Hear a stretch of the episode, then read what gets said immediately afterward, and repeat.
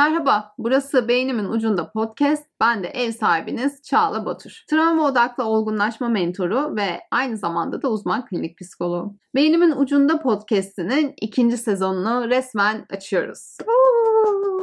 İlk sezonu dinleyen, takip eden, yorumlarını bırakan herkese çok teşekkür ediyorum. En son bölümümüz, birinci sezonun en son bölümü görüntülü haliyle daha çok beğeni topladı. O yüzden bunu birazcık görüntülü radyoymuş gibi çekmek istedim. Video gibi çekmek de birazcık podcast'in ruhunu bozuyor gibi geliyor.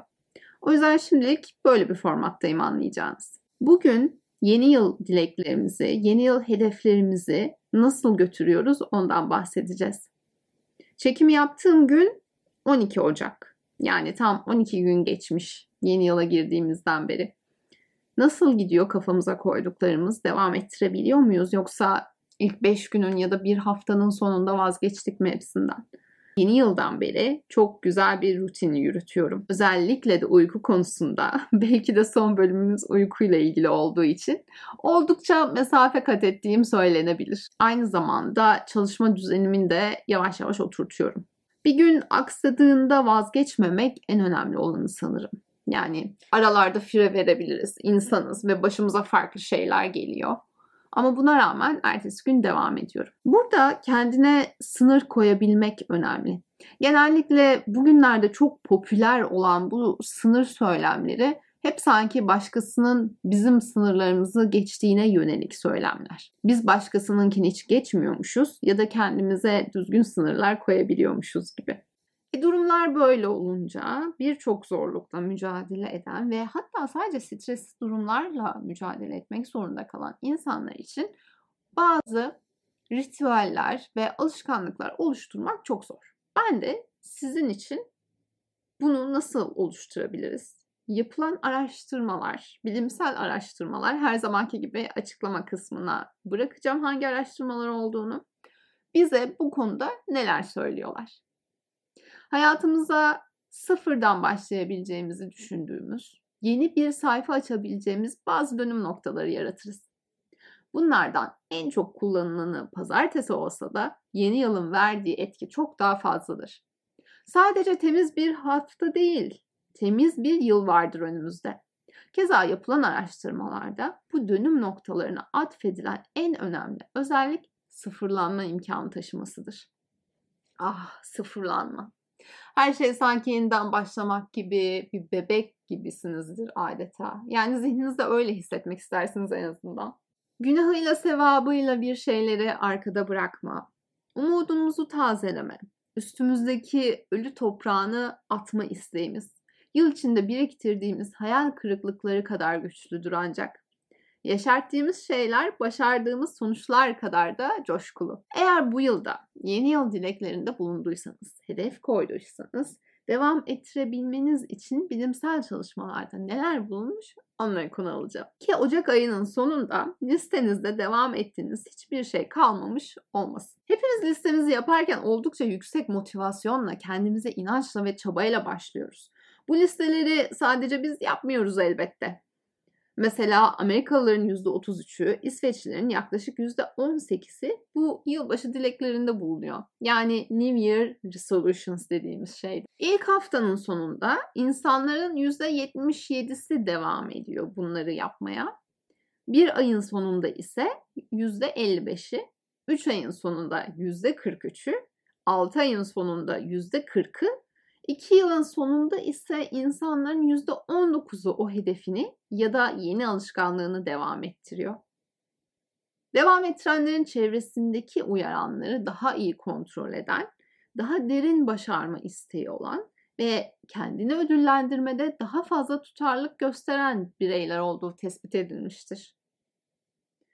Bunun yanında değişime hazır olma faktörü de pozitif sonuçlarıyla oldukça ilgili gibi görünüyor. Değişime hazır olma. Gerçekten de kendisi değişmek istemeyen, bunu kafaya koymamış. Belki de o kadar umutsuz olmayan, yani tek şansı değişim olmayan insanlar buna o kadar da adamıyor olabilirler kendilerini gerçekten de.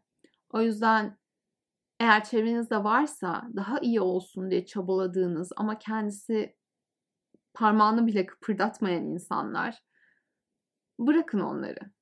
Yani bırakın derken terk edin gibi değil. Kendi hallerine bırakın. Çünkü istemeyen birisini değiştiremezsiniz. Eğer değişimi sizin çabalarınıza rağmen istemeyen birisi varsa bu durum onun hakkında değil sizin hakkınızda bir şey söyler. Dipnot olarak bunu da ekleyeyim. Yani niye onun değişmesine bu kadar muhtaçsınız? Sizin için ne anlama geliyor onun değişmesini? Ya da onu değiştirenin siz olması ne anlama geliyor? Belki biraz bunu düşünmek lazım. Eğer terapiye devam ediyorsanız bunu kendi terapiniz, kendi terapistinizle konuşmak isteyebilirsiniz. Devam edelim. Yeni yılda kendine hedef listesi yapanlar yıl içerisinde değiştirmeleri gereken problematik bir şey çıktığında, diyelim astımları çıktı, sigara bırakacaklar ya da kilo aldılar, onu vermek isteyecekler. Yani yılın başında o yıla girerken değil de devamında ortaya yeni edinmeleri gereken bir alışkanlık, başlamaları ya da bitirmeleri gereken bir şey ortaya çıktı. Yeni yılda liste yapmayanlara oranla yıl içindeki bu alışkanlıkları edinmede daha başarılı olmuşlar. Bu hedefleri adına eyleme geçtikten 6 ay sonra kontrol edildiklerinde. Yani bu yeni yıla liste yaparak, dilek listesi, hedef listesi yaparak girenler yıl içinde karşılarına çıkan, değişim gerektiren ya da yeni commitment yani yeni adanmaları gereken bir alışkanlık, bırakmaları ya da başlamaları gereken şeyler olduğunda çok daha iyi başarı göstermişler. Muhtemelen buradaki faktör zaten kendisini değiştirme motivasyonu yüksek ve bu konuda prensipli insanların yeni yıl hedefleri koyar olması.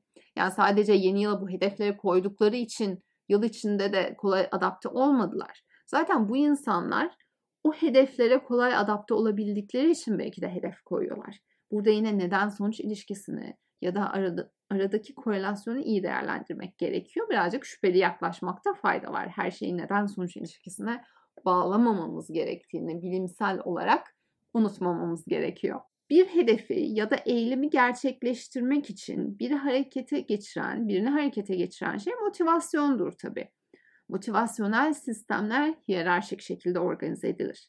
Yılbaşı dileklerimiz de kendi içerisinde genellikle hiyerarşiktir ve birbirlerine bağlı. Sağlıklı beslenmek, spora gitmek, bol su içmek. Yani mesela burada yapabileceğiniz en alt basamakta bol su içmek vardır muhtemelen. Sonra belki sağlıklı beslenmek ve en sonda daha çok efor gerektiği için düzenli spora gitmek. Bunlar hiyerarşik bir yapıdadır ama hepsi aynı şeye hizmet eder sağlıklı olmaya ya da genel olarak iyilik halinizi korumaya yardım ederler. Bunu kastediyorum aslında hiyerarşik ve birbirlerine bağlı oldukları konusunda. Peki buradan yola çıkarak yeni yıl hedeflerinizi neye göre belirlersiniz? Kendi arzularınıza göre mi yoksa başkalarının sizi nasıl görmeyi arzuladığına göre mi? Hepimizin bir kendilik algısı var. Özellikle de toplum için nasıl göründüğümüze ya da görünmek istediğimize dair. Kimi zaman bir persona yaratırız kendimize. Beyoncé'nin sahneye çıkarken Sasha Fierce personasına bürünmesi ve Beyoncé'nin yapabileceğini düşünmediği şeylerin o personadayken yapması gibi. Şimdi düşünün, sosyal alanlarda siz ne kadar kendinizsiniz? Peki hedefler konusunda hedeflerimizin ne kadarı kendi arzularımızdan doğuyor ne kadarı başkasının bizim personamız üzerindeki etkisinden. Mesela günlük hayatımıza bunu taşırsak diyelim ki iş yerinizde bir siz varsınız. Evdeki halinizden muhtemelen biraz da olsa farklı bir sizsiniz. Bazı insanlar içinse tamamen farklı olabilir çizdiğimiz imaj. Diyelim ki patronunuz o yıl içinde açılacak yeni bir departmanın başına geçerek terfi alacağınızı bunun için ilk 6 aylık dönemdeki satışlarınızın iki katı artması gerektiğini söyledi.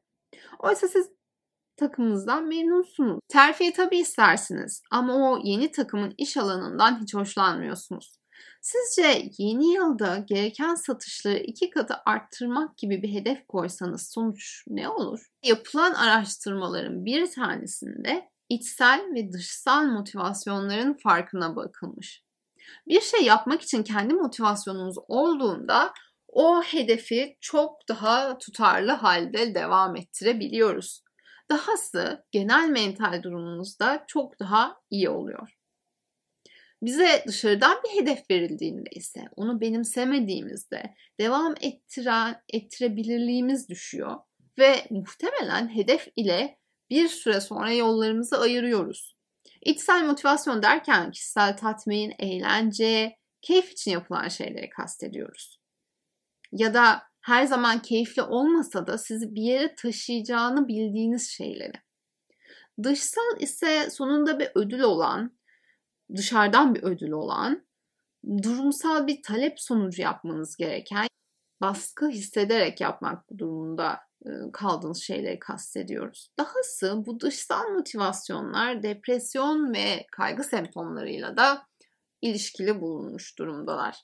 Yani az önceki örneğe dönersek sizi istemediğiniz bir takım için iki katı satış yapmanızı bekleyen yöneticiniz aslında daha negatif bir etkiye sebep oluyor olabilir. Dışarıdan gel- gelen bir hedef olduğu için, sizin içsel dinamiklerinizle uyumlu olmadığı için, beklentilerinizin farklı olduğu için.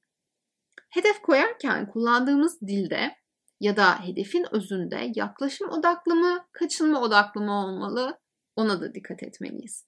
Diğer bir deyişle bir şey elde etmek için, bir şey dönüşmek için mi o hedef var? Yoksa kötü bir şeyden, kötü bir sonuçtan kaçınmak için mi? Ya da istenmeyen bir halden kurtulmak için mi? Mesela daha fit olmak için spor yapmak var.